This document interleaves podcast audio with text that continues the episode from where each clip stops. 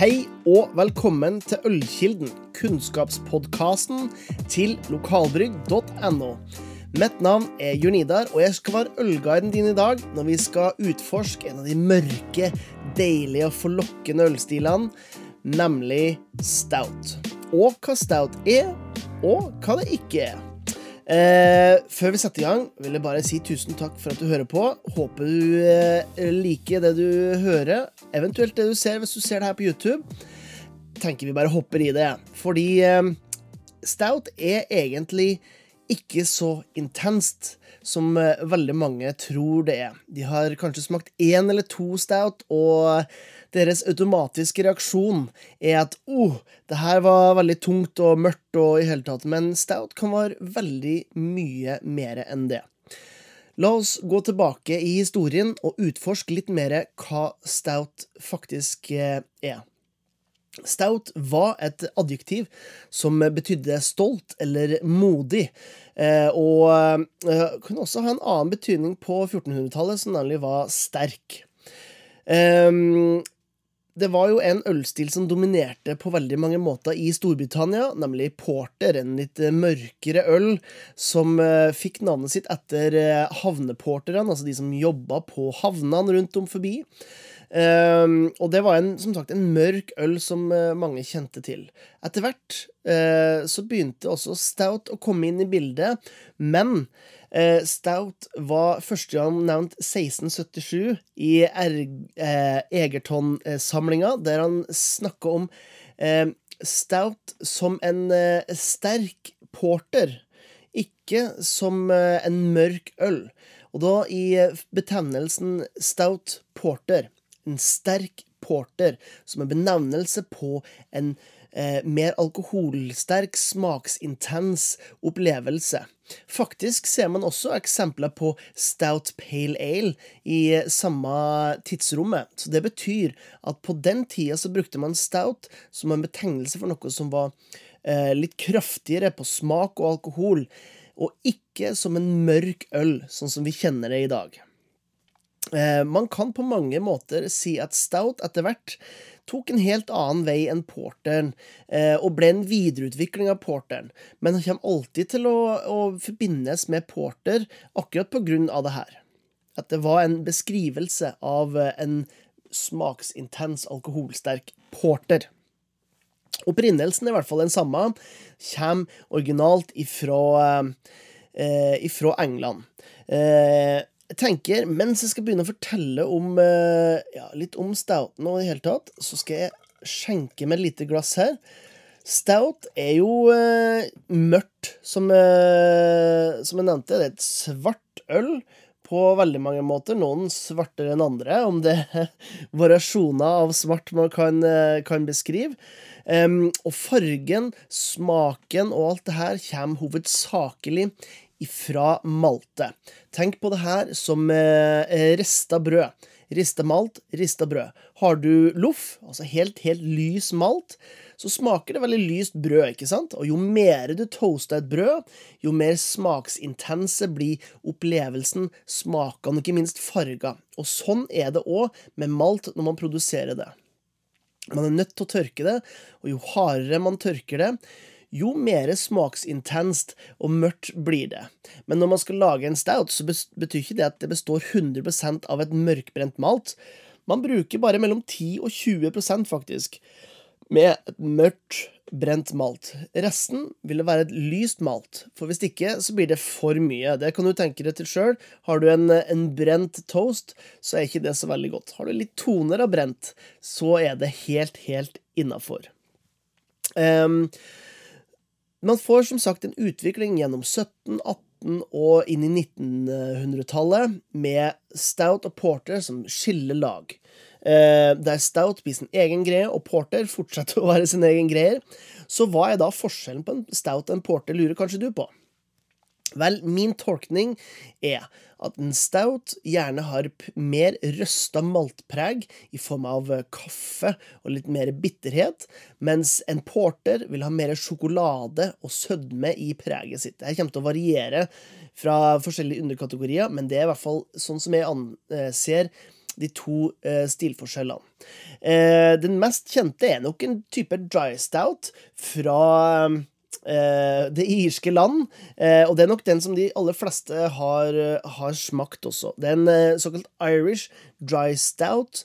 Eh, den er ganske leskende, lav i alkohol, forfriskende når man lukter på det. Så lukter det toasta brød, som jeg nevnte. Det lukter litt grann nøtter, kanskje litt hint av karamell, og ikke minst en god porsjon med kaffe. Litt sånn kaldkaffe. Kaldkaffe på en god måte.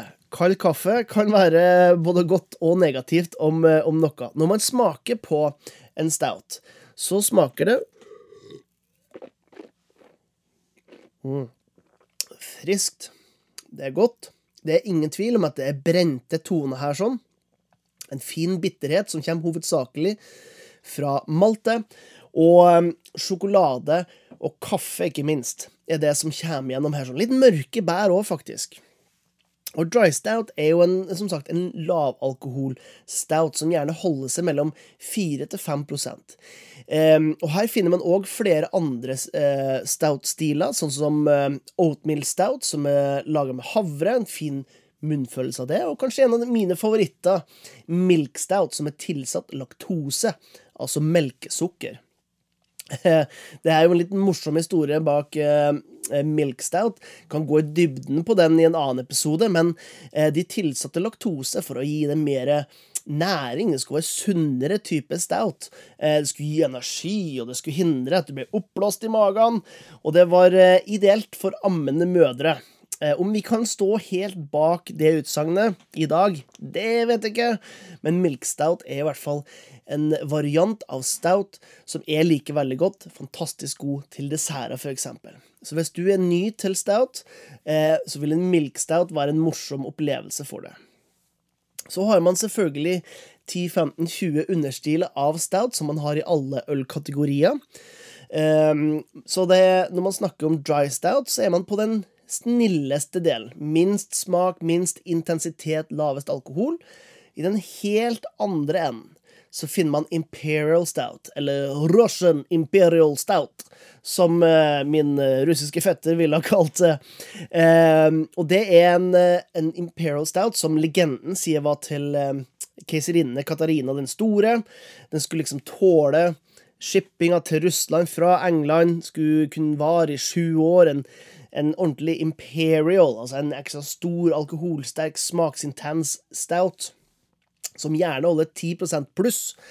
Eh, men legenda er legenda. Det er nok litt sannhet og litt eh, fiksjon i akkurat det. Det som er helt sant, er at eh, når du kommer opp i det her smaksintensiteten og alkoholen, så snakker du en helt annet landskap i forhold til eh, eh, hva du kan gjøre med den ølen. Eh, en, en, av de her første vi nevnte, dry stout, oatmeal stout eller milk stout, de er lavere alkohol, ikke så intense, så det betyr at de er best å drikke når de er forholdsvis ferske. Når du kommer opp i 10% masse smak, masse aroma, ja, vet du hva, da er det helt nydelige øl å lagre. Og faktisk tør jeg å påstå at eh, de fleste Imperial Stouts burde vært lagra lengre enn de er, før de blir sluppet på markedet. For det er så mange smaker som trenger tid på å samles til én hel, helhet, som en Imperial Stout eh, gjerne vil. Um, Imperial Stout, i hvert fall, det man gjør der, er rett og slett at man bruker enda mer malt for å skape enda mer alkohol, enda mer sukker enda mer smak. Og her kommer virkelig sjokolade- og kaffepreget fram. De mørkrøsta tonene av rugbrød, for eksempel, kan man finne fram. Mørke bær. Det er urter, krydder, kanskje. Eh, ja, rett og slett en smaksintens eh, greie. Og det her har i veldig mange år vært de to ja, eh, yin og yangene innafor ølkategorien stout. Så har det jo kommet, etter hvert, flere og flere mikrobryggerier som elsker å eksperimentere, og vi elsker at de elsker å eksperimentere, for det har gitt oss masse nye ting. Imperial Stout er jo noe som man kan argumentere har vært på markedet i mange år, men det de små bryggeriene har gitt, er jo eksperimentering med eksisterende stiler. Så eh, hvis man skal se på de virkelig høyt rata, altså rangerte ølstilene på diverse ølsosiale medier, sånn som Untapped eller Ratebear, så eh, er det fatlagra Uh, Imperial Stouts, som gjerne havner veldig høyt oppe. Fordelen her er at du har en ganske smaksintens øl i bunnen, som skal da lagres, gjerne på uh, fat som tidligere har vært brukt til sprit uh, og lignende, og dermed har også mye smak og karakter i seg. Og de to sammen skaper en helt ny utvikling, en helt ny smaksprofil som går veldig godt sammen. Intenst og intenst. Det blir ikke dobbelt intenst, det blir bare dobbelt så godt. Også her må man bruke mye tid, og det er ting som gjerne koster mye, fordi at man eh, lager et øl som i utgangspunktet har mye råvarer i seg, og så skal man eh, få tak i noen fat som også koster mye, og så skal man lagre det her, som igjen koster litt. Så um, fatlare Imperial Stouts, fantastisk gode, ypperlig til lagring, men koster ofte litt ekstra så har man jo også fått den helt andre veien med eksperimentering. Um, det er et hjemmebryggeruttrykk som heter 'everything but the kitchen sink', som er en sånn hjemmebryggerfelle der man skal putte alt mulig i ølen eh, i håp om at det skal bli eh, noe eksepsjonelt. Og noen har gjort det i kommersiell form og utvikla pastry stouts. Og det er rett og slett dessert stout. En helt ny kategori som jeg måtte personlig eh, undersøke litt. Jeg har eh, en podkast som heter Ølprat, der jeg snakka med noen av de beste i Norge på akkurat denne typen stil, for å finne ut hva er pastry stout. Og kort fortalt så er det eh, en bryggers uttrykk på en dessert. Eh, det kan være en pecan pie Imperial Stout. Og Det betyr at du får en Imperial Stout som er tilsatt i veldig mange tilfeller aroma eller essenser, sånn at det skal smake pekanpai. Eh, eller du kan ha en crème brulé stout. Da skal den smake Ja, du gjetta riktig crème brulé. Det her er også alkoholsterke eh, stouter med altså et smaksuttrykk som eh, er veldig endimensjonelt, men ofte veldig spot on. Eh, så du, kan regne det med en, en 10-15% i alkoholstyrke. Det er sånn veldig spennende eh, greier som er såpass smaks... Altså, så rett fram på smak at eh, man kan ikke gå feil, og det begeistrer ofte. Men jeg vil anbefale å få tak i en ren Imperial Stout hvis du vil ha de ordentlig komplekse, rene ølsmakene. Og så kan vi ta en liten sånn guilty pleasure i form av eh, ja, en crème brulé-stout innimellom.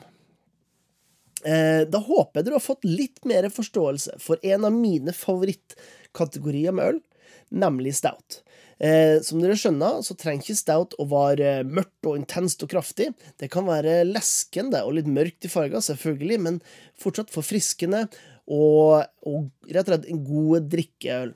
Men så kan det også være på den helt andre sida, de mørke, intense sånn meditasjonsølene, som er så kraftige at du kommer til å bruke en hel kveld på dem. Det er jo det deilige med øl, det at man kan ha både og i samme leir. Jeg vil bare si tusen takk for at du hørte på, hvis du gjorde det på podkasten, eller hvis du så på på YouTube-kanalen vår. Uansett hvor det er hen, så setter vi alltid pris på litt kommentarer, reviews og tommel opp og abonnementer og alt mulig. Eh, og gjerne tips noen som du mener kan ha litt godt av eh, mer ølkunnskap og, og lære litt mer om stout. Så kan du tipse dem om den episoden her. Altså, det er jo gratis, så hvorfor ikke? Og hvis du vil ha mer inspirasjon og ølkunnskap, så kan jeg anbefale at du stikker innom lokalbrygg.no. Der kommer vi altså nesten daglig, skulle du si, med nyheter. Så der er det vel verdt å gå inn og sjekke. Finner jo selvfølgelig Lokalbrygg på Facebook, Instagram, LinkedIn og alt det der gode sosiale medie... Eh, ja, suppa, skal man si det sånn? Eh, og der håper jeg at dere interakterer med oss. Og hvis du har noen gode tanker, noe du lurer på, noe jeg kan hjelpe deg med å forstå bedre, send meg en e-post på jik, krølla for lokalbrygg.no, så skal jeg ta det med meg. Og så skal du ikke se bort ifra at vi får en eh, episode av Ølkilden bare for å svare på spørsmålene dine.